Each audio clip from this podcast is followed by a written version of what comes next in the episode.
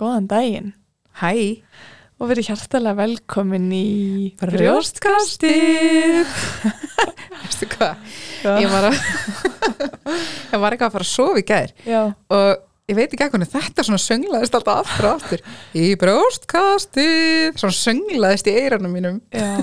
Við þurfum að gera lag Já, Nei, Við- ok, nei. við þurfum ekki að gera lag fyrsta lagi við höfum ekki tíma Nei, ú, uh, í öðru lagi, við erum ekki sérfráðar laga, í, í laga höfunda það er ekki okkar sérsveit leiknum Nei En ótrúlega skemmtilegt að segja frá því að við erum Já. það spenntar og æstar að taka upp og reyna að koma þáttunum Já, í loftið að við erum mættar í ný, á nýtt bókasafn að taka upp það er af því nefnilega að mál það er opið um helgar Ips og okkur langa að taka upp það, sem- það sem við gætum hugsað skýrt Já og við erum ekki með neinbönd með okkur í dag Ó, það eru engin börn Þau eru og- samt best. Ó, ég er svo bara, ég dyrka mig hann hann var ekki til í síðustu upptökur Hann bara, mm, ég kom með leið á þessu Já. í byli. má ég annarkvært leika að sofa en ég ætla ekki að gera það hér ok Ekki Heyrðu, málið. e, ég er svo, svo peppuð Ég líka. Stefania, fyrsti fræðslu þátturinn Fyrsti fræsluþátturinn. Hann er að fara í loftið hann er að vera lótið og við þurfum að demba okkur í þetta núna.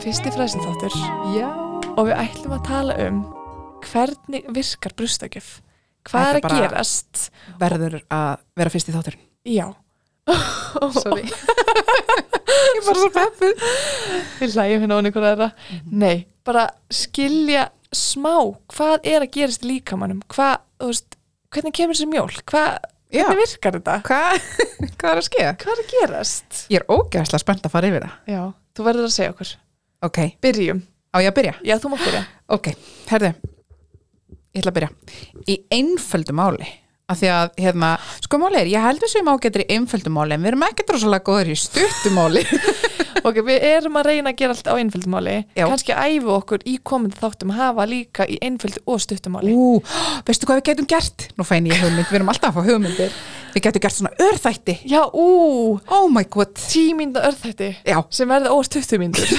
sem er alltaf tuttum myndir og við verðum á seinar til að mæta til að taka þau upp Já. Þannig að- já. Herðu, ok, við skulum gera það síðar, ég ætla að segja þið frá brjóstakjöf í brjóstakjöf einföldu máli mm Mhm. -hmm.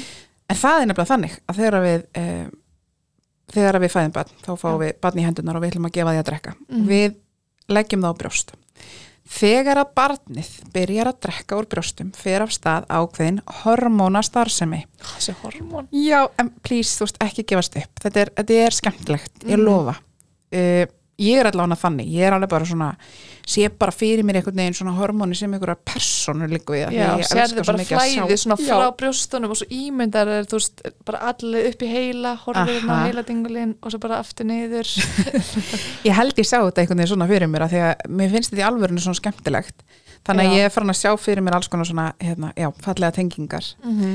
e, en það er þannig að við örfun á gerifurtum fara taugabóð í gang sem að senda hormónin prólaktín og oxytósin stað í vinnu og við munum í þessum þætti svolítið tala um prólaktín og oxytósin af því Já. það eru tvö aðalhormónin sem þið þurfið að þekkja eða þurfið aðal og ekkert uppáhaldshormónin mín bestu hormónin Jú. það er alltaf gott að vita hver þau eru, þessi tvö Mhm. og hvað þau gera það er nefnilega málið um, prólaktín og ég ætla að gefa ykkur vísmynding hvernig ég var að læra til dæmis fyrir pró í, í, í ljósunni fyrir barnsegna- barneignarferðli eitt ó já, sá hérna Áfangið forláti heitir það. áfangi e, prólaktín, laktín, laktósi mjólk, mm -hmm. þetta er mjólkur hormónu mitt góð og Mhm. líka minnisregla pró, þú veist mm -hmm. ég er fyrir I þetta love var it. ekki alveg ágótt Já, þú veist, ég, meina, ég er að meina svona ef ég væri til dæmis að hérna I'm prolactin, I'm prolactin yeah, I love it, þú veist, það ekki jú, ok, Ef allt ég er verið væri í, í hérna embætiskostningum bandaríkjunum, þá myndi Já. ég vera bara ég myndi kalla mig laktin, Mhm. já, ok, þetta er bull sorry en þetta er samt prolactin Mhm. og hérna, það heitir sama á ennsku og það er sérst mjólkur framleiðstu hormónið okkar -hmm. og og það, ítir undir alltaf meira og meiri framleiðslu á mjólk. Akkurat. Og þá er það oxytocin. Já. Oh, Og oxytocin, besta hormón í heimi. Held að sé líka fallegasta hormóni í heimi. Já, er það ekki? stundum kallað ástarhormónið okkar. Aha. Eða eitthvað svo leis. Ég, veistu hvað ég ætla að segja? Ég ætla, ég ætla nú stutt input. Já, Ég held að við séum fullar á oxytosinu þegar við erum að taka upp saman. ég held, lí- held það líka. það er bara svo mikið að gerast og þetta er svo skemmtilegt. Og við elskum bara, svo mikið podcasta okkar. Já, Ah. og bara Og hverja og svona. Já, ástriðan fyrir þessu. Já. Mm Ok. En oxytocin, Mhm. það er uh, svona tengist tilfinningum Já. og hérna og hefur áhrif á mjólkur losuna viðbæra sjálft þegar að barnið í búðinni grætur eða við, eða við erum að horfa á mynda barnin okkar þá veldur það sem vöðva samdrætti sem veldur því að mjólkin losnar og þá verður sem sagt þetta mjólkur losuna viðbræð Já. En það er nefnilega ekki að vita því að maður er oft heyrt mjólkulósuna viðbræð. mm -hmm. En hvernig virkar það? Það virkar svona. Já, nákvæmlega það, svona. e, og, og þ- sem sagt, þetta hormón eins og við segjum, það hefur áhrif á vöðva þræði hjá okkur Já, í líkamannum og Mhm. hérna þannig að þegar að við horfum á batnið okkar þá gæti þið raun og verið farið að flæða þegar það Já. losnar að þessum Ég verði Í- að segja eitt með mjölkulósinu viðbræði. já, Ég man að Malen var sennilega orðin svona þryggja mánaða þegar ég var almennilega farin að skilja mitt mjölkulósinu viðbræð. já, Þú veist, einmitt Hversu lengi þarf hún að sjúa til þess að þetta mjölkulósinu viðbræð eigi sér stað. já, Og af því mér að, fannst það svo misjæft á nóttinni að þá, sorry já, sorry að þá tók það oft stittir tíma heldur en dæna því þá var bara slögt, það var dimmt, rólegt. trú ekki að hafa sagt þetta núna vegna þess að Æ, sorry. þetta er svo geggjur saga, en þú segir Já. hann bara aftur og eftir þegar við tölum um um nótt og dag Já, akkurat, en já, þegar að þess, þá tók það kannski bara 10 til 30 sekundur Mhm. að, og þá urðu brjóstin þrútnari, ég sá gerðvertan kom miklu betur fram, já, af því að mín gerðvert er ekkert svo stór, Nei. en þegar mjölkulósunum viðbræð er komið á fullt, já, að þá tvöfaldast hún og þú veist, og bara svona ég finn mjölkina streyma í brjóstin og það er geðug tilfinning svo skrítin og tilfinning. ef að malen sleppir brjóstinu þegar að hérna, hún er að drekka það bara pss, sprautast út um alla gangana Meina- og en að daginn þegar það er mikið að gera já, og ég er bara eitthvað að hugsa um hvað ég að borða og við erum að leiðin ræktina og leiðin að taka podcast eða eitthvað, þá sem tekur lengri tíma já þannig að þetta var mín stutt að saga um mjölkulosna viðbröð Sem og er samt oxytocin geggjað. tengingun hjá okkur Já, um, bara hérna í, að því þú talaður um að það væri svo góð tilfinning Já. þá langum bara að segja að það eru sumir sem að upplifa það ekki Einmitt. jafnvel vonda tilfinningu og það er alveg efni í heilan að þátt við viljum ekki að ræða frekar, mér langaði bara að taka það fram Mhm. og mér langaði bara að segja að þeir eru að standa ykkur óksla vel það er Já. ógisla erfitt ef að þetta veldur vanlíðan vegna þess að þetta er alltaf að gerast í brjóstökjöf Já, það kallast hérna- dýmer Já, mm Já, dýmur, ég held að við Á verðum að ensku, taka sko- eitt já. þátt um það því að Já. þetta er alveg svona ömurlegt en þetta er ekki sem betur verið ekki mjög algengt Nei, en fyrir þær sem að upplifa það þá sem er að gefa brjóst að hérna bara eh, við hugum til ykkar og Já, ekki, algjörlega. ekki auðvelt nei en hérna sem betur fyrir eru nú fleiri sem að upplifa þetta sem svona mjög mjög góða tilfinningu af Já. því að lífilsfræðin okkar segir í raun og veru þetta er gott, þetta er það sem á að gerast nú ertu Já. í raun og veru, nú er mjölkin að fara á Mhm. stað og við erum að gefa barnin okkar að, að hérna, næringunum sem það þarf og sennilega örgulega misjátt hversu mikið fólk upplifir mjölkulósuna viðbræði Já, já, sem er já. Mhm. upplifið örgulega bara ótrúlega stert og gott og aðrir kannski bara finna lítið fyrir því en Hugsa það hvorki nefnilega. gott nýja slæmt Já, og, og eins og þú segir að ég, ég tengi við það sem þú segir, ég finn í raun og veru bara, já, mjölkin er að fara að stað núna og hún streymir, ég finn einhvern veginn nánast Já. Mhm. bara eins og lækin niða einhvern veginn Já. inn í brjóstunum og út um gerifestuna Akkurat. á meðan ég held að sumir finna ekki droslega mikið fyrir því bara alveg svo við finnum mismunandi fyrir uh, snerting á húð þú Já. veist, við erum bara með mismunandi líkama algjörlega en já, sem sagt á ég að reyna Já. í enn einfaldara máli Já. og stuttu komdu með það ein helsta ástæða þess að mjölkurframleðsla og brjóstakjöf gengur upp er svo að barni drekkur úr brjóstunum að brjóstin fái næga örfun til að skilja hversu mikla mjölk þarf mm fyrir þetta barn. Brjóstakjöf er einna helst byggð upp bam bara bam á eftirspurn og frambúði. Akkurat. Ég hugsa alltaf frambóð eftirspurt. maður hugsa það nefnilega Uh -huh. en málið er, ég snýra þessu vísveitandi við vegna Já, þess að það ef þú ert ekki ruglaði með mig. eftirspurn ég veit það, ef þú ert ekki með eftirspurn Það varst ekki með þá verður ekki frambóð. frambóð, Það er rétt. skilir þau Þú ert svo Ah. klár, Odný. Vistu það, þetta er náttúrulega, þetta er ekki hægt ég veit Já. það, ég er mjög gáð En eigum við þá kannski Það er að fara og tala hans um þennan fyrsta klukkutíma Já. eftir fæðingu. Þennan Oh. golden hour. við verðum að tala um hann Já. Hann Segðu er svo mér frá. Mhm. ótrúlega mikilvægur fyrir komandi mjólkuframlislu og einhvern veginn, maður gerir sér bara ekki mi- grein fyrir því hvað hann er í rauninni mikilvægur. Það er alltaf sagt, þú veist, það er svo mikilvægt að batni taki brjóst á fyrstu tveim tímunum og ég held að mjög margar mæður, sennilega flestar, heyri það já, eh, kannski rétt fyrir fæðingu eða eftir þess eru búin að eiga og eru að koma barnin á brjóst Mhm. bara, já, það er svo mikilvægt en já, af hverju er þessi fyrsti klukkutími eftir fæðingu svona ótrúlega mikilvægur og það er Segðu þá mér. fyrst bara hitastíð nýburar eiga það til að ofkjælast mjög snögt og þess vegna er besti staðurinn fyrir þá að vera á bringu foreldris Mhm. það er sest, þessi hitastjórnun þau bara eru ekki með þann hæfileika þegar Ekki- þau fæðast. ekki strax eftir ekki fæðingu. strax eftir fæðingu, nei Einmitt. þannig að húð við húð á bringumóðurs eða föðurs eða föðurs rétt. skiptir raun og verið engu máli bara að sé hérna Að sé húð í hinnu húð. munnar aðalinn eða, Mhm. eða nákvæmlega að því að oft eftir fæðingu mitt er kannski mamman ekki í stakkbúin Nei. það er eitthvað í gangi á henni, henni er Akkurat. blæða eins eða það þarf að sauma að eitthvað eins og Eða ekki mér reyndar- já, eins þá og þér fór malin á bara bringu pappasins já, hann fór á dásamlegt. bólnum og bara dásalegt ég held að hérna, fólk fatt ekki þess, þetta að pappanir úr bólnum og setja barna á bringuna Já. hvað það er mikilvægt vegna þess líka að rannsóknir sína að, hérna, að þetta húð við húð sem að við munum tala aðeins um á þetta að hérna, það þarf ekki endilega að vera sá sem gefur brjóst Nei. það er bara sá sem að er umunnar aðili barnsins það mun hafa þessi jákvæða áhrif sem þú ætlar núna að segja mig frá já, hann nú erum við búin að segja sérst, hittastíð já, og svo erum við þá líka að tala um að þetta hefur jákvæð áhrif á öndun og hjarta nýburans og mömmu já, og síðan eflir þetta tengslamyndun eftir fæðingu og síðast en ekki síst þá hefur þetta jákvæð áhrif á komandi mjölkframsli já. sem vildi- er svona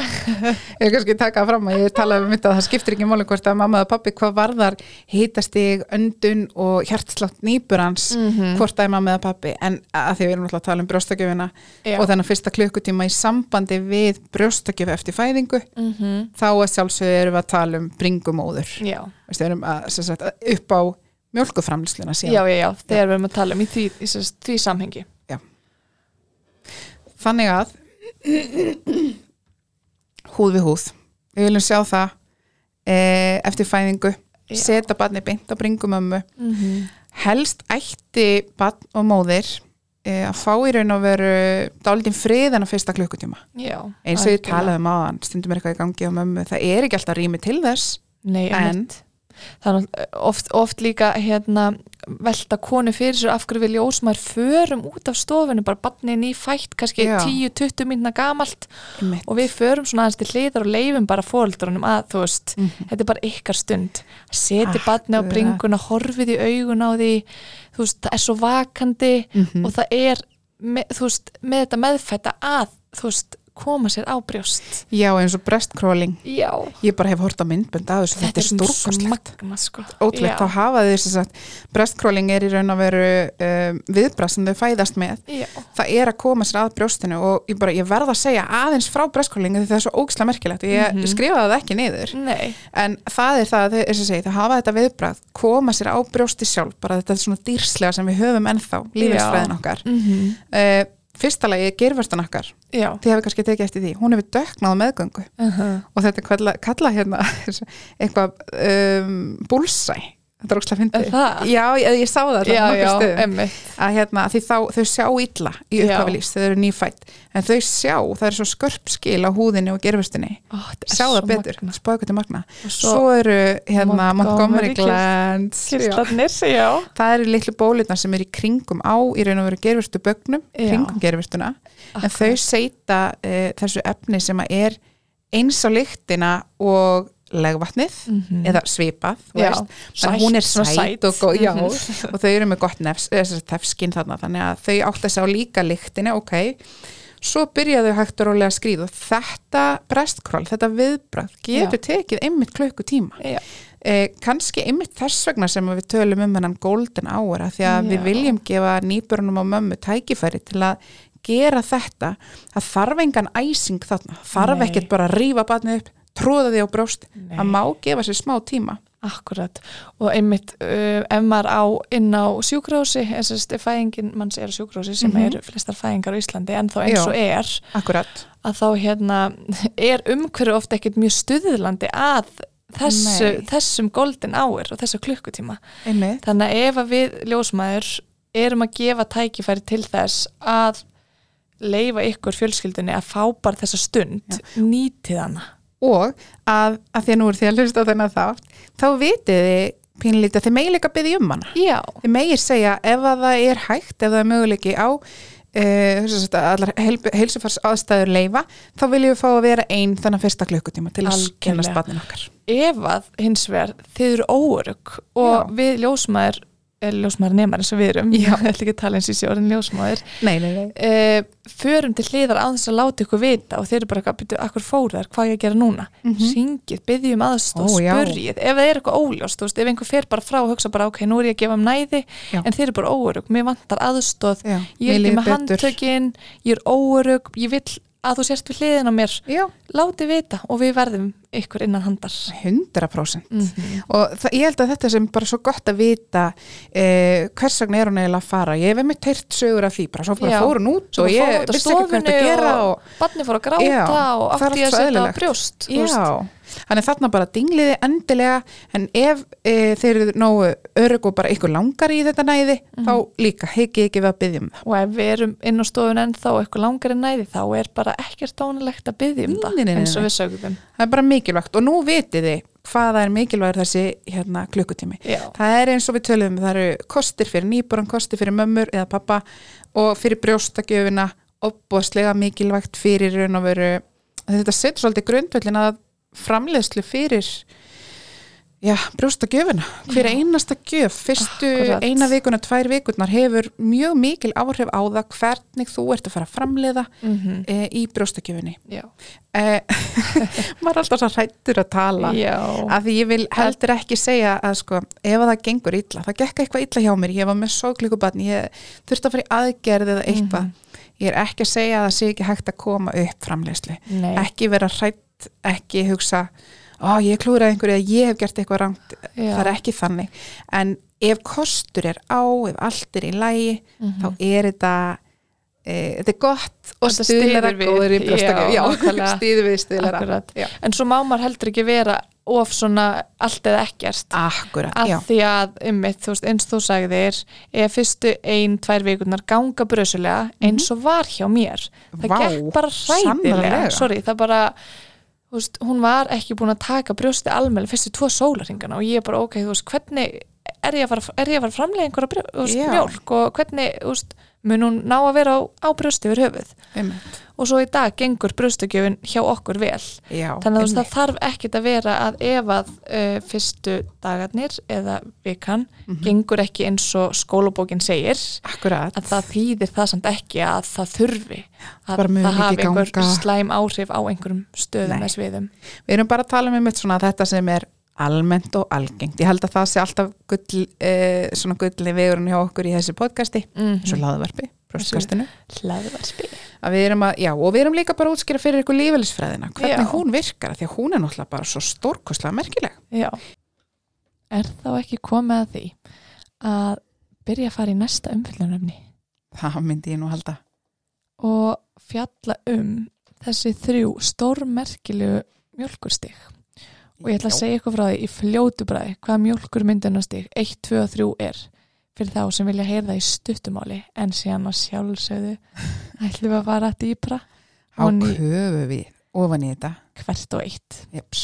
ok, mjólkur myndunastig 1 hefst sem, hefst sem sagt á meðgöngu og hefst bara við 15. til 20. viku sem er ótrúlega magna en það Alveg stig magnað. stendur fram með við fæðingu og þá hefst mjölkumyndin á stig 2 en það hefst í raunin þá þegar að fylgjan er fætt og þá er broddurinn að byrja að umbreytast í þessa full þroskuðu mjólk og það gerist þá cirka á sólaring 23 Mm Eh. Viltu segja hvað er í klukkutímum?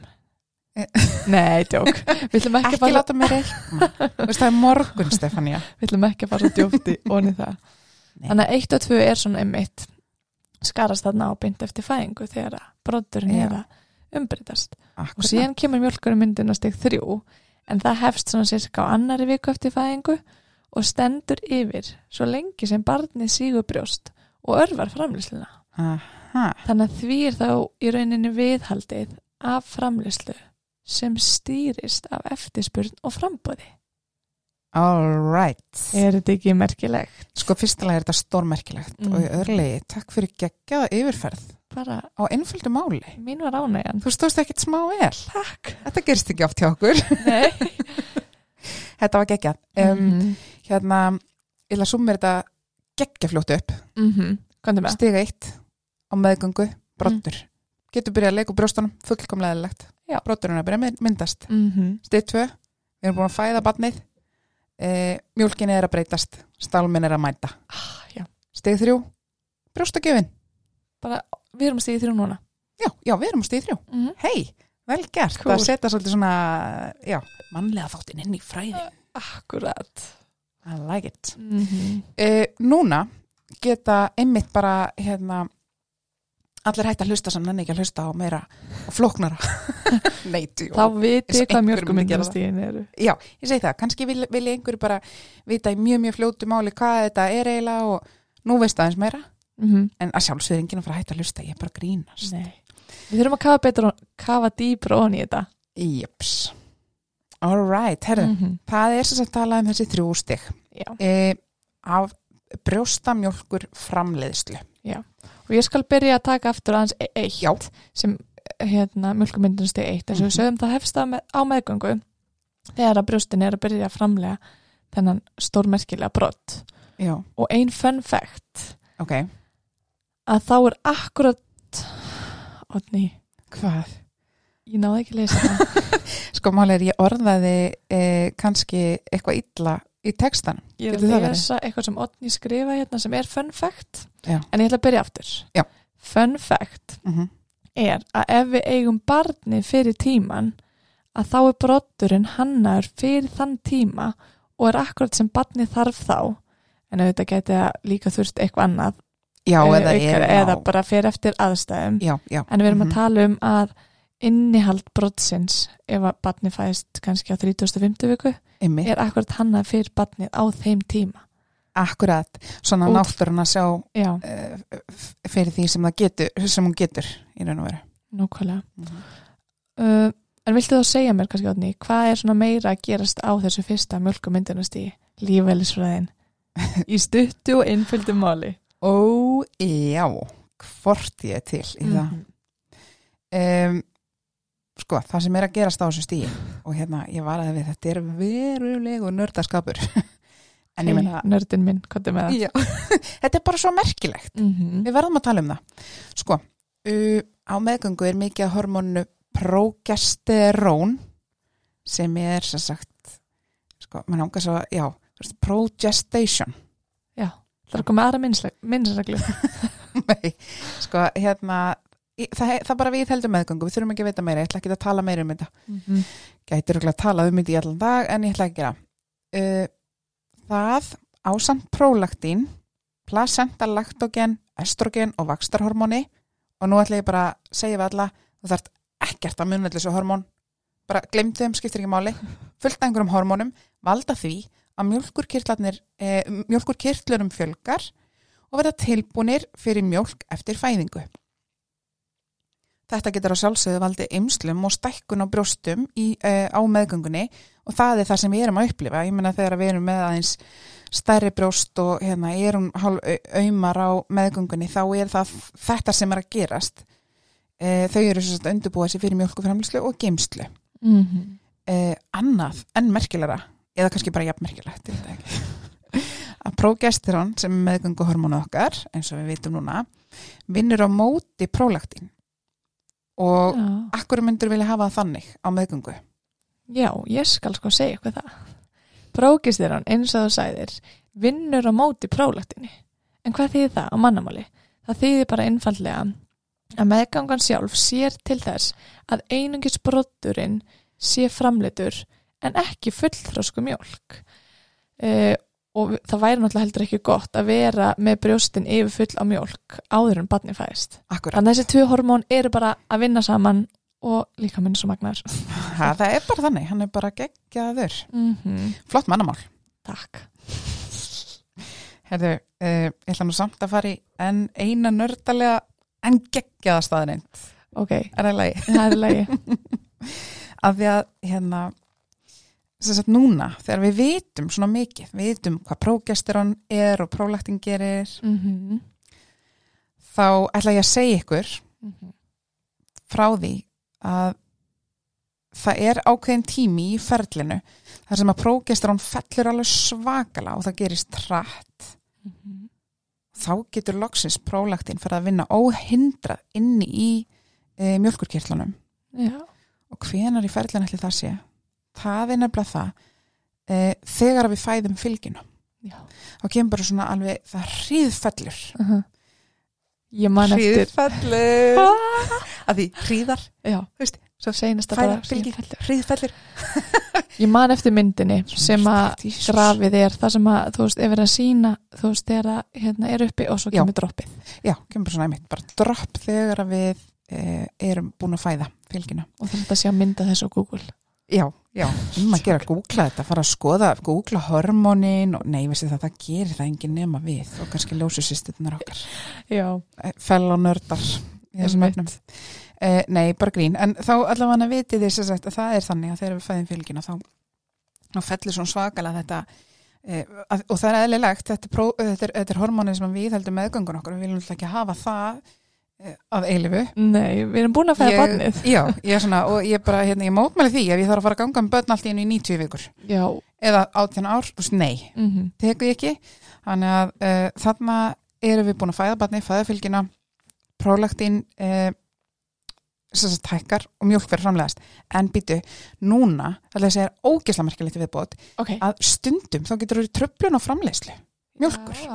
og það er þá sem sagt ástígi tvö Og og sumar konur upplifa þetta meitt mm mjölkin sé lengi að koma. lengi að koma Já. svo ég veit nú ekki alveg hvað það gerist hjá mér kannski er einhver að hlusta núna sem lendi í þessu Já. og það er þannig að stundum þá verður eftir pínlítill bútur af fylginu inn í leginu Mm. Mhm. ef að hún e, ripnar eitthvað illa á leiðinu Það út Mm. kemur ekki í heilu lagi. Ke já, kemur ekki heilu lægi nákvæmlega og þessi litli bútur af fylgju heldur áfram að framleiða hormoni Prógesterón. Já.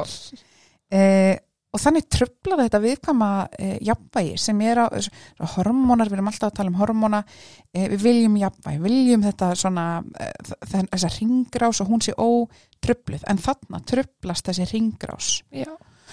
og e, þannig að það er bara, já, bara gaman að eh, svona auka staðarindar því að það er pottitt einhverja konur sem hafa lendið því annarkvart fylgjubútur sem skila þessir ekki sjálfur jafnvel konur sem fá sýkingu vegna þess Mhm. og, og kannski tengja við þetta að já, það var ymmið þannig á mér og, og ég áttaði mikið á því kannski fyrir núna að að það er kannski þess vegna sem að mjólkin kom ekki rætt eða kom ekki jafn öflugt, eitthvað svo leiðis Já, lengi að koma. þannig að, já, bara gaman að þessu Uh, takk fyrir að segja okkur þetta. það var svo lítið En núna datt mér í hug mm -hmm. ok, að við getum tekið smá uppeyju og ekki drepa allar á leiðendum að tala bara um hormón nei, við, við getum ekki gert það heldur kannski að tengja fræðina aðeins við reynslisögur og taka eina reynslisögur fyrir að því við glemdum að gera það í byrjun og við elskum reynslusögur við gerum og það við getum ekki sleppt þeim þannig að við tökum hana bara núna ég er svo til, ok, á ég ekki bara að lesa hann upp, hvernig ljóma það?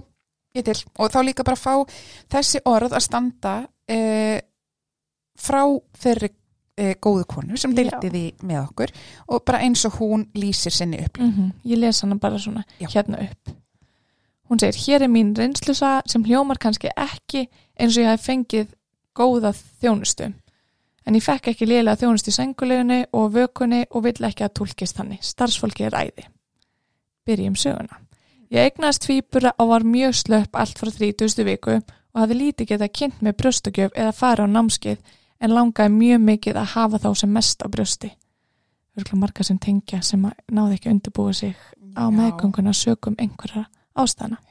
100% algjörlega Þegar að strákarnir mínu fættust, þá misti ég mikið blóð og annar strákurinn varð að fara upp á vöku strax því hann fengi vökva í lungun en hinn fekk að vera hjá mér í nokkra klukkustundir og reyndi að drekka smá áður en hann fór til bróðu síns. ég, hérna, og hvað það hefur örugglega verið dýrmætt að fá Já. að hafa einn lilla Mhm. hjá sér þegar hinn þurft að fara eins upp á vöku Já, en við erum ei, að hugsa, já, tv- tvö börn, tvö stráka, en hinn er á vöku. Já, það er Þú Veist, flókið, já. magnað Já, ég held að við alltaf sem fram- eignumst ekki tvýbura getum ekki e, ímynda okkur eða þú veist fatta þessa tilfinningu að vera með Nei. tvö rosaleg tókstreita þarna mm -hmm. fá að vera með einn í fanginu og vera að sakna hins Já, sorry, halda fram ég vakna svo klukka nýju og fekk mér að borða og þess aftar og held að mér yrði búið að pumpa mig en ég var að byggja um það tvisunum að pumpa og svo vekk ég skýringu á því að þær hefur gert ráð fyrir að tvíburumamma myndi bara gefa pela spurningamarki Svo pumpaði ég mig á eins í tveggja klukkustunda- klukkustunda fresti næstu sólaringa þar sem strákarnir voru með sondu og voru litlir. En ég reyndi samt alltaf að gefa um líka brjóst. Bara ótrúlega vel gert hjá þér. sko virkilega, því að það er alveg mjög erfitt að gefa þessum börnum sem erum píl þreytt, komið með sondu þetta er, þetta er meiri hátar vinna þú hefur greinilega staðið vel Ég baði endur tekið um að mér þið sínt fótboltastellingin en það glemtist alltaf að finna einhvern sem kunni það svo það varði ekkit úr því. Eftir þrjáta í sengulinu var ég svo útskrifið og við fengum að fara í fjölskyldaherbyggja vöku í nokkra daga því strákunni voru í eftirliti. Ég var þar í tvo dagi viðbót. Á vöku kom hjúkunafræðingu til mín að menn ég var í basla að gefa þeim brjóst og sagði að það væri bara mjög erfitt fyrir tvíburmömmur að gefa brjóst, að þetta væri tímafrekt og ég ætti að einbytta mér að einhverju öðru þar sem ég var ennan á mjólkinu upp og víst ég væri ekki að ná að pumpa eða víst ég væri að ná að pumpa en svona lítið fimm dögum eftir fæðingu þá væri þetta tapaði leikur þetta var eins og blöyt huska í andlitið og ég var mjög sár en sem, fe- en sem betur fer var ég með gott stuðningsnet sem hjálpaði mér að hundsa þetta eins og við tölum um áður en við byrjum reynslisjóna þá er margt sem getur haft áhrif á getur senkað þessu stíi að mjólkin kom En- almennlega fram að það er hægt að vinna að ymsum leiðum til að ná e, aftur upp allavega heil mikið af mjölkinni. Já. Þannig að í raun og veru um, get ég mynda mér að, að hérna, heilbyrðstarsmaðurinn hafi verið að tala um ok, það eru svo margir þættir líka bara að þessi andlega heilsa, ég sé Mhm. kannski á þeir þú ert örþreitt Já. og hún er verið að hugsa með sér að ég ætla bara að hjálpina kannski að upplifa að það er í lægi þó hún e, gefi ekki einungisbrjóst Já. eitthvað svoleiðis, ég veit ekki, Algjörlega, ég er nei, auðvitað að setja mig í einmitt. spór eitthvað sem ég þekki ekki að veit Nei, ekki um en, maður en bara, ég get þú veist, svona, já. þú veist, ég er svona þegar hug, hugurum fyrir að fljúa Mhm. og svo get ég líka nefnilega að setja mig í spór mömmunar sem heyrir bara, að veistu það, þetta er bara tapaðuleikur, uh, fimmdagaliðinir þetta er bara, en það er það ekki það Nei, er alls ekki, og alls það er ekki ekki. alls konar Mhm. og bara, hérna, vá, frábært og hefur verið, að, sagt, hún hefur verið með svona gott stuðningsnet, af því Ok. það er rosa erfitt að, hérna, og greinilega frábært líka hugafar hjá þessari Í- mömmu sem er E, já. bara með þetta algjörlega ég ætla að klára sögun hennar Já. þegar heim var komið þá hafði ég ekki fengið kennslu í fótboltastellingunni og átti mjög erfitt með að gefa þeim á sama tíma og var þá alltaf að gefa þeim í sikkur lægi, guð minn góður, hvað tekur það eiginlega mikinn tíma, segi ég nú bara í mitt, sem varð til þess að ég satt í sófanum klukkutímum saman að reyna að gefa þeim og þar sem þeir voru litlir fyrirbur, fyrirburar þá tók þetta svakalega orku frá þeim. Við ákveðum þá að fá aðstóð frá bröstarafgjafa en vegna COVID og jólana þá leið langur tíma á milli þessar tveggja heimsókna frá henni og ég náði þessu aldrei almennilega. Skiljanlega er maður ekki með stu, nógu Já. mikinn stuðning og þarf meiri hjálp. og sérstaklega af því að það er ímislegt bras pluss bara tvíbrar Mm og þarf öflugan stuðning Það er Já. ekkert skrítið að það hafi verið þetta bara sé bara Ó. dáist að þessu öllu saman já, Og í Alltaf. lokin kemur hérna, ég gafst svo upp á því að reyna að gefa þeim brjóst við þryggja manna aldur en ég held áfram að pumpa mig lengi, oft á dag og eins oft og ég mögulega gatt og þeir endu að fá brjóstumjólk síðan cirka 70 á móti þurrmjólk 30 í pela til nýju manna aldurs. Þetta sýnir kannski þrátt fyrir að geta ekki bókstaflega gefið brjóst, þá er vel hægt að fá brjóstumjólk. Vá. þetta er geggjur saga Mm að því hún er svo fjölbreytt hún kannski finnst mér alveg lýsa dálítið hvernig það er að byrja að gefa brjóst Já. þetta er kannski svolítið hardcore byrjun Já, og Við erum líka, ekki þetta er- allar með þetta þetta er tvíburasaga og þetta er Já. hérna, en mér langar að segja að hérna, hún segir einmitt bara að síni kannski að þráttir að geta ekki gefið bókstala brjóst þá vil hægt að fá brjóstamjálk en Mhm. mér langar bara til að segja e, og í mínum augum þá er þetta brjóstakjöf mhm, Já, þetta er bara annað form af brjóstakjöf og það má bara algjörlega 100 og sko 90% tala um að þegar að við erum að pumpa okkur og gefa börnunum okkar mm þá erum við að gefa brjóst Já. auðvitað ekki í þessari bókstæðlega merking það skiptir bara ekki máli Nei, við bara mögum vera engu máli stoltar af okkur um, og mér langar líka að taka fram að því við sögum um bara hún er greinlega með svo gott hugafar þú veist, hún hefur verið mjög ákveðin í þessu en Mhm. kannski aðalega líka bara það að þetta sýnir að hún hafði þessa löngun, Já, hún hafði séð fyrir sér eitthvað skona markmið, mig langar hún segir það upp að þessu, mig langar Já. til að gefa þeim brjóst eins Mhm. lengi og ég get emmitt og þá ertu með einhverja hugmynd, eitthvað markmið, einhverja ósk auðvitað eru bara ekki allir þar Nei, þannig að segjum til dæmis bara að þið langar ekki að gefa brjóst eða þú getur ekki að gefa brjóst þá er hennar góða hugafar að fara inn í það að e, ég ætla að finna sætti í því til dæmis að kannski þurfa að gefa eitthvað annað Já.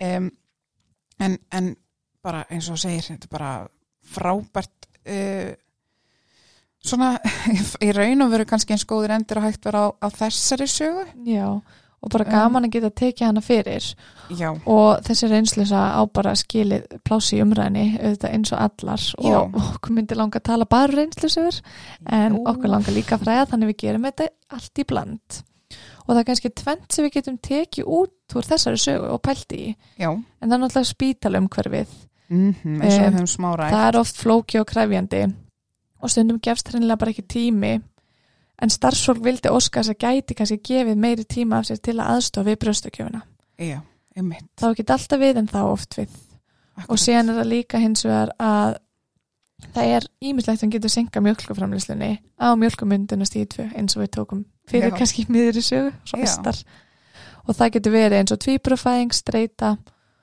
í og eftir fæðingu og, vak- og, og vökudild ásakið Já, nei, eins og ávið í þessari sögum ásand því að mömmu skortir kunnáttu og starfsfólk skortir tíma fyrir stuðning og kennslu. Akkurat. Þannig Mhm. að það er svona margt sem að e, kemur saman sem veldur því að þetta gengur kannski 100% en já, þarna gengur það bara frábælega í lokin en hérna Það er ekki alltaf svoleiðs, það er oft svoleiðs. það er bara- akkurat. En, en kannski bara í, loka hnykkurinn í þessu þá langum maður að segja því að við, eins og við tölum um það er margt sem gæti komið e, valdi því að, að þetta mjölkumyndina stík þegar að broddurinn er að verða fullróskamjölk þessu senki þá ef það er einhver sem er að hlusta núna er bara, ég myndi í þessu tímabili fekk kannski sýkingu einhver staðar eða er að bastla er á öðrum þriða fjörða degi og það er ekki alveg að gerast þess satt kannski með annað bann, Já. gerast öðru sér áður eitthvað Mhm. að öll von er aldrei úti Nei. og ef það þarf að blanda þurrmjölk og brjóstamjölk þá er það líka í lægi Emmi. eh, og fái stuðning spyðið um hjálp og, og, og já, ekki ekki missa von, það er, það er eh, von en eh, við skulum bara dífa okkur aftur í fræðin, er það ekki? Heldur betur, komið tími að ég að fara aftur í mjölkumyndunastík 2 fara nánar út í það eins og vorum búin að segja hann í byrjun að þá hefst það 23 dögum eftir fæðingu og er á, því, á þeim tíma sem broturinn okkar er að breytast í fullþroska mjölk. Og nú þarf ég að skila, skýra þetta eins betur út. hvað er með það? En það er þannig að aðal hormónu okkar hér sem sér um mjölkur framleiðsluna er dutru prólaktín. Uh. Það ekst þegar að barni okkar drekkur. Ok, hvernig virkar það þá? Ég ætla að reyna að lýsa röðinni kannski pínu af atbyrðum sem verða í líkamannum. ok, gekkja Ég legg barn í þykjustin bara Já. á brjóst af því að malin er ekki með okkur núna. já, já, annars væri það hún bara Brjóstin senda skilaboð í heilan eða réttar sagt heiladingul mm -hmm. og þar losar heilin um hormón. Mhm. Það hormón veldur því að prólaktin engst og það losnar um meira magn prólaktin í brjóstunum sem veldur aukinni mjölkuframlislu. Og þannig er þessi skilabóð að fara af stað þegar við erum að leggja barni á brjóst til þess að örfa brjóstin. Já. Svo fyrir þessi atbyrðurás ring eftir ring í brjóstakjöfunni. og, og hérna bara til að taka það líka fram að ef við leggjum barnið á brjósti þá erum við örfa brjóstin Já. en við líka örfa brjóstin ef við handmjólkum ef Já. við pumpum, þannig við getum viðhaldið ringrásunni líka með öðrum leið einmitt mjölkursamnari já, nú, já, nú, hvaðlega, ó, mjólkusamræðin mm það Samt er svona ein umdeildur. vara já, Passa hann sig hendaði bara okkur svo vel ég elska hann svo mikið en, en hérna, uh, já hérna, ekki staðun ég stund Stefania, viltu hemja þig Sorry. hún fer alltaf út af sporinu uh, nei, herðu ok, nú ertu búin að segja mér í dálíti lungumáli reyndar hvað prólaktin uh, gerir og að það sem sagt framleiðir mjölkina mm -hmm. hvað gerir eiginlega oxytósin?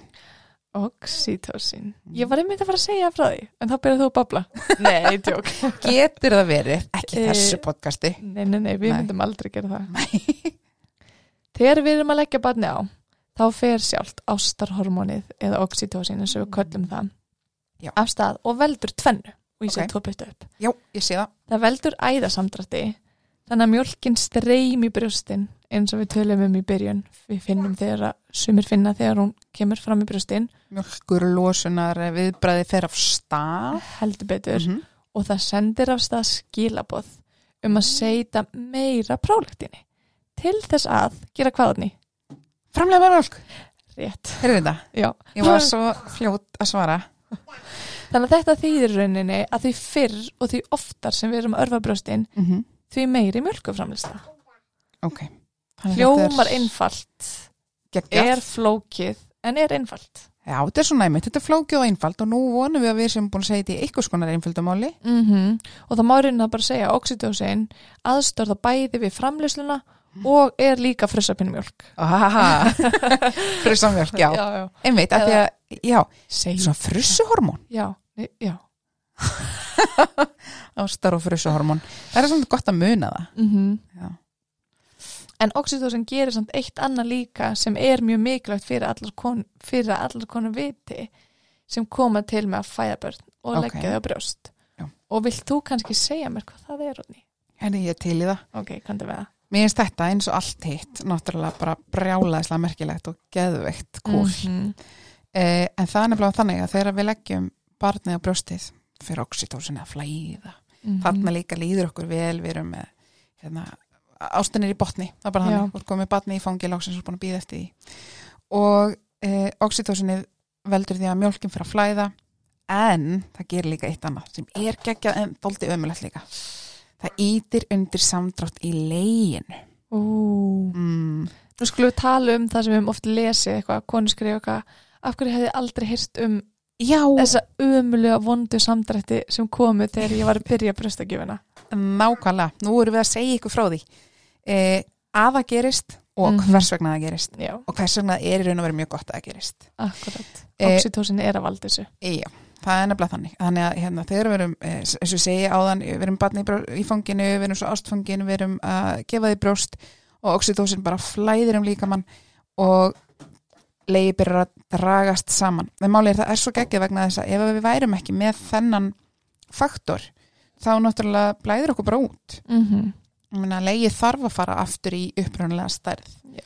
þannig við viljum að það drægist saman við viljum að það e, drægist fyrir æðarnar þar sem að fylgjan var, þar sem að Mhm. sárið í leginu er Já, það er Em, stórt sár mjög stórt sár Ímyndið þaðan ykkur kemur fylgjuna. úthreinsunin. Já. og seti fylgju, starð fylgjunar inn í leið og þá sjáu þið sarðið sá, Sarðið, já. sárið sem er já, inn í fylginni nei, inn í leginu leiðinu Já, þannig að e, segjum að við værum ekki með þannan faktor bara að það væri ekki að draga saman leið eins og gerist þá í einstaka tilfellum og þá þurfa Mhm. konur aðstóð e, sem betur fyrir í dag höfum við þá aðstóð en hér áður fyrir dóun alltaf bara konur. Já, Þannig að við viljum í raun og veru finna samdrættina, það er gott og hefur til í Getum- gang hefur tilgang að nákvæmlega þetta er eins og með verkina þau erum að fæða barn, þetta hefur allt saman tilgang.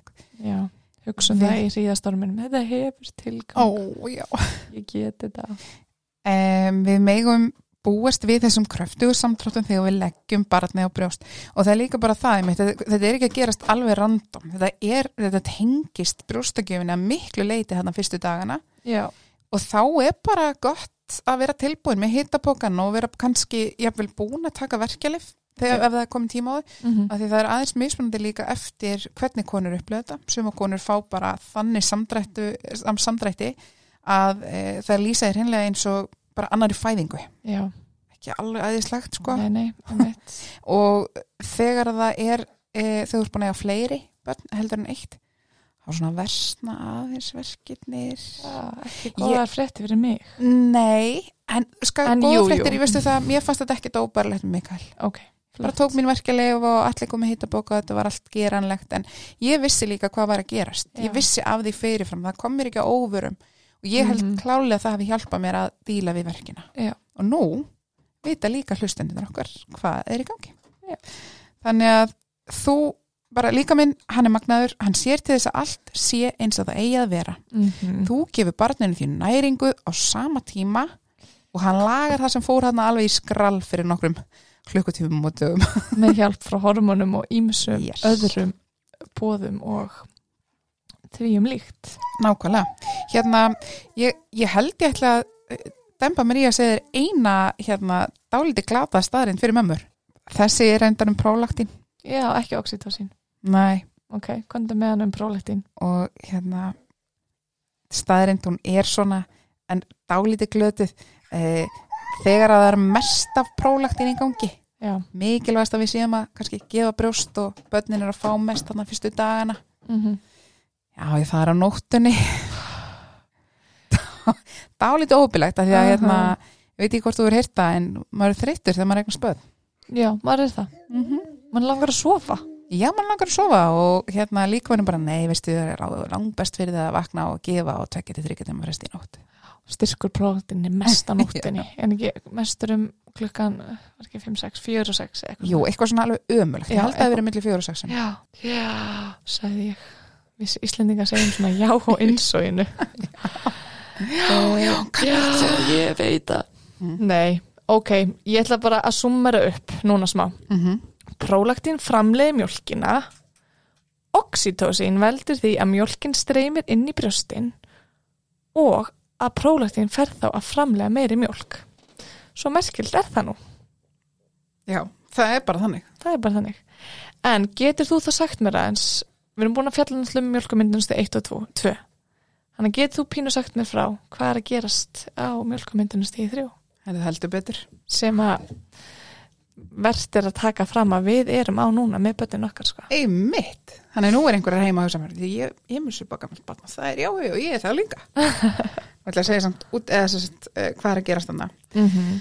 Þetta tímabil hefst um það bil einni til tveimur vikum eftir fæðingu og e, það er aðeins mismunandi hvað, hvernig hver stopnun tiltekur akkurat hvenar það er að gerast, það er líka bara mismunandi eftir konum já, það er ekki hægt að nákvæmlega. fá hérna nákvæma dagsetningu á öll þessi stegan en það er svona sirka þarna uh, en það er í einföldu máli viðhald brjóstamjólk, brjóstamjólkur hérna framleiðslu já, þarna er komið jafnvægi í frambúða eftir spurn og þetta er bara þangur til að hættu með á brjósti hversu Þannig að kúl við erum, þetta er mjög kúl sko og þarna, þarna eins og ég segi, þarna erum við lengst við erum lengst á þessu tímubili, já, yfirleitt ef við erum með batnið í raun og veru hérna í einhverja mánuði uh -huh.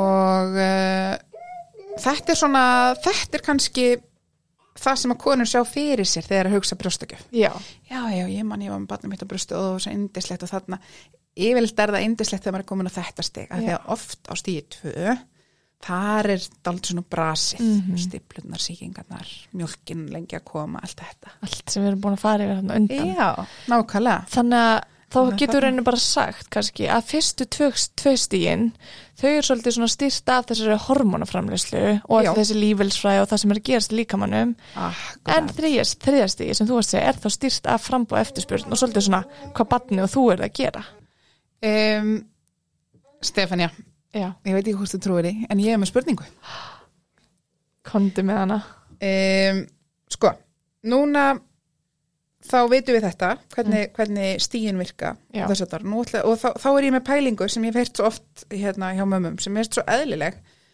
en hún er svo þarf ég að gera eitthvað á meðgöngu til að undibúa brjóstin eða mig fyrir brjóstakjöfuna fyrir komandi brjóstökjöf Já, Stutta svar mitt er bara neyjótni mín Ah, ok.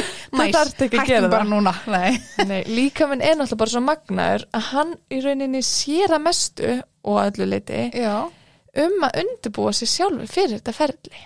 Já, hann er náttúrulega stórkostlur, ég trúi þessu. Já. Vel upp á hann. Þú Að þarft, vera bara að sjá um þetta fyrir mig. já, hann sér bara um þetta. Já. Þú þarft ekki að kaupa pumpu, þú þarft Nei. ekki að kaupa neitt fyrir brjóstagjöfina uh, til þess að byrja með. Ég þarf bara að vera með mig og, og brjósti mín á svæðinu. Já, og Ok. svona kannski allt þetta hitt sem við höfum tal, talið upp, þú veist, í kringum brjóstagjöfina. Já, auðvitað. Nei, ég- þetta var í einföldu máli. Uh, engin tæki og tól og engin sérstakur þannig undirbúningur nefnum bara hlusta á brjóstkastið, Já. fara kannski að brjóstakjánámskeið og já, sko, það er Allt náttúrulega svoleiðis, já, já. undibúningur að því leiti. Þar sem ég var meira að meina svona, sko, fysiskt getur maður gert eitthvað. Því ég hef stundum heyrt. já, Já, akkurat sko, amma mín sagði að þær hefðu verið látnar raspa á sér gerfustunar, bara Já, eitthvað með sem alveg þvottapoka. eitthvað hryllingur. eða- Já, já. Mm. Að þurfa að herða þær einhvern veginn fyrir br brjóstakjöfuna, e, byrja að pumpa, byrja að kreista fram. Handmjólka, já. Þetta er eh, ekki neitt sem við þurfum að vera að pæla í, við sem erum Nei. Mm. bara á eðleri meðgöngu og ekki í neittni. Já, engin Áhættu eða áhætta neitt, yfirvóandi nákvæmlega. hérna, þannig að eh, eins og þú sagðir í uppæði stuttasvari, nei, alls ekki við erum sammála um það já, og við ég erum hef spurt saman þig um þá það held ég að svaraði ég pínlítið með þér já, þetta er, þetta, þú sagðir við ætlum að svara sér saman já, það er rétt um, já, þannig að þannig erum við búin að fara yfir skemmtilega og, og hérna, skemmtilega pælingar myndi ég að segja sko uh, á fyrstu dögunum þá er bara svo margt að gerast sem tengist öllu ferlinu já, uh, og sérstaklega í brjóstakjöfunni og við vonum bara að með þessu hérna, þessu spjalli sem við erum búin að eiga hérna í Já. dag að þá geti hlustendur tengt svolítið svona fræðin við raunveruleikan Mhm. og það er náttúrulega það sem við elskum að gera eins og við erum búin að tala um oft þú veist, Já. að sjá einhverja rannsókn sem ég get heimfært síðan á eitthvað vandamál sem ég sé í raunveruleikanum það er já, æðislegt mhm, og um, bara skili hvenar mjólkin kemur, hvað er að gerast þegar hún er að koma já og hvað er eðlilegt ef, að, ef við getum nokkuð tíma að tala um eitthvað sem er eðlilegt af því að Já. eðlilegt fyrir mig er, ek- er annað eðlilegt fyrir þig einmitt, þetta e- En- eðlilega skilgreiningin er svolítið, svolítið vítækt hún, já, hún er viðtæk og við erum En ekki að sko, fara í við erum búin að- siðfræðinu núna ég held, nei, skulum sleppa því við höfum ekki tími í það Nei. en ég held þessum kannski bara búin að setja niður svona dálítið góða púnta um það Mhm. hverju má búast við og hvaða er sem er að gerast Akkurat. Mjög merkjöld, við hlóum hérna í miðri setningu að þegar við sögum eins og við erum búin að taka upp hérna í dag eða eitthvað. Við nefnilega erum búin að taka hann upp í þrem á þrem mismunandum. það er svona að vera með fjögur börn á milli sín Uppljóstum lindamálinu. En við viljum gera þetta vel já, og vonum að ykkur finnist það koma vel til skila. Þannig að ég segi nú bara, er ekki viðjandi að enda þennan þátt á að fjalla hans um kosti brjóstagjafar, Odni. jú ég heldur verðum eiginlega að gera þannig ég er að spá ég að segja ykkur kannski bara frá þremur kostum Mm -hmm. svona þessu fyrsta sem mér dættur í hug þegar ég hugsa um brjóstakjöfa því að auðvitað er hægt að segja bara það eru óteljandi eh, kostir við brjóstakjöf Já, og hversu, hversu oft hefur maður heyrt það Já, ég held já. við höfum öll heyrt um svo margt mm -hmm. um, þetta eru m- það sem mér dættur fyrst í hug já, Ok, fyrsti, fyrsti kostur. Hún er einfallega sérhönnuð fæða fyrir barnið þitt. Já. Yeah. Þá er ég að tala um brjósta mjólkina, ekki beint brjósta gjöfuna. akkurat. Mjólkin sem slík er, er það. Og hérna, ekki bara það að hún er mannamjólk, ekki kúamjólk, eins og stundum tala um í dag. En hérna, þá er hún, þá er hún líka, sko, þín mjólk er hönnuð fyrir barnið þitt. Alveg svo við tölum um stundum er hún hönnuð fyrir barn sem fæðist fyrir tíman Mhm. og hún breytist dag frá degi hún breytist ef að þú ert veik ef að barnið er veikt Mhm. hún er breytileg Stórmerkilegt. nánast á klukkutíma bili, það er, Já. það, það er einhvern veginn svo magnað og ég ætla ekki að fara meir í það vegna þess að það gæti komið þáttur um Ú. brjóstamjálk Ég er spennt. Já, en þannig að hún er það, hún er sérhönnu fæða fyrir barnið þitt, það er fyrsti kostur sem ég hugsaði með mér. Mhm. Annar þáttur sem að ég hugsa með mér er að brjóstagjöf eh, uh, dregur úr líkum á ungbarnadauða og það eru hreinlega margar rannsóknir sem að hafa bent til þess og Hún það hefur er Mm, sýnt fram á náttúrulega það. já, ótrúlega hérna, mikil svirði ef að brjóstakjöf gengur upp að vita að það er eitthvað sem að þú ert að gera í- sem í þínum valdi stendur til að Mhm. veita batniðin öryggi Já. og pluss það að, að hérna, brjóstakjöfin, brjóstamjólkin mingar líkur á allskinn sjúkdóm eins og asmaofnæmi sem er nú alltaf að aukast Já. eh, í okkar hluta heimsins og hérna ymsum krabbameinum það er nýlega, hérna, nýlega raun að vera uppgötun í þessum brjóstakjöfa fræðum Já, mér finnst líka ofta rannsóknir oft vera, þú veist, taka marga líkamlega kvilla, eða þú veist, eh, kvilla, jú, fyrir, Já, sem sína, eða þú veist, að bröstugjöf geta haft jákvæð áhrif á, þú veist, ekki bara Já, já, já. asmi ónami, þú veist, maður getur talið upp marga. já, já, já, Eh, líka- endalaust, já. eh, alveg bara Líkamlegt. alfullt. Mhm. Já, eins og sér, já, bara sjúkdóma og kvilla og Já. alls, kons, alls konar Mhm.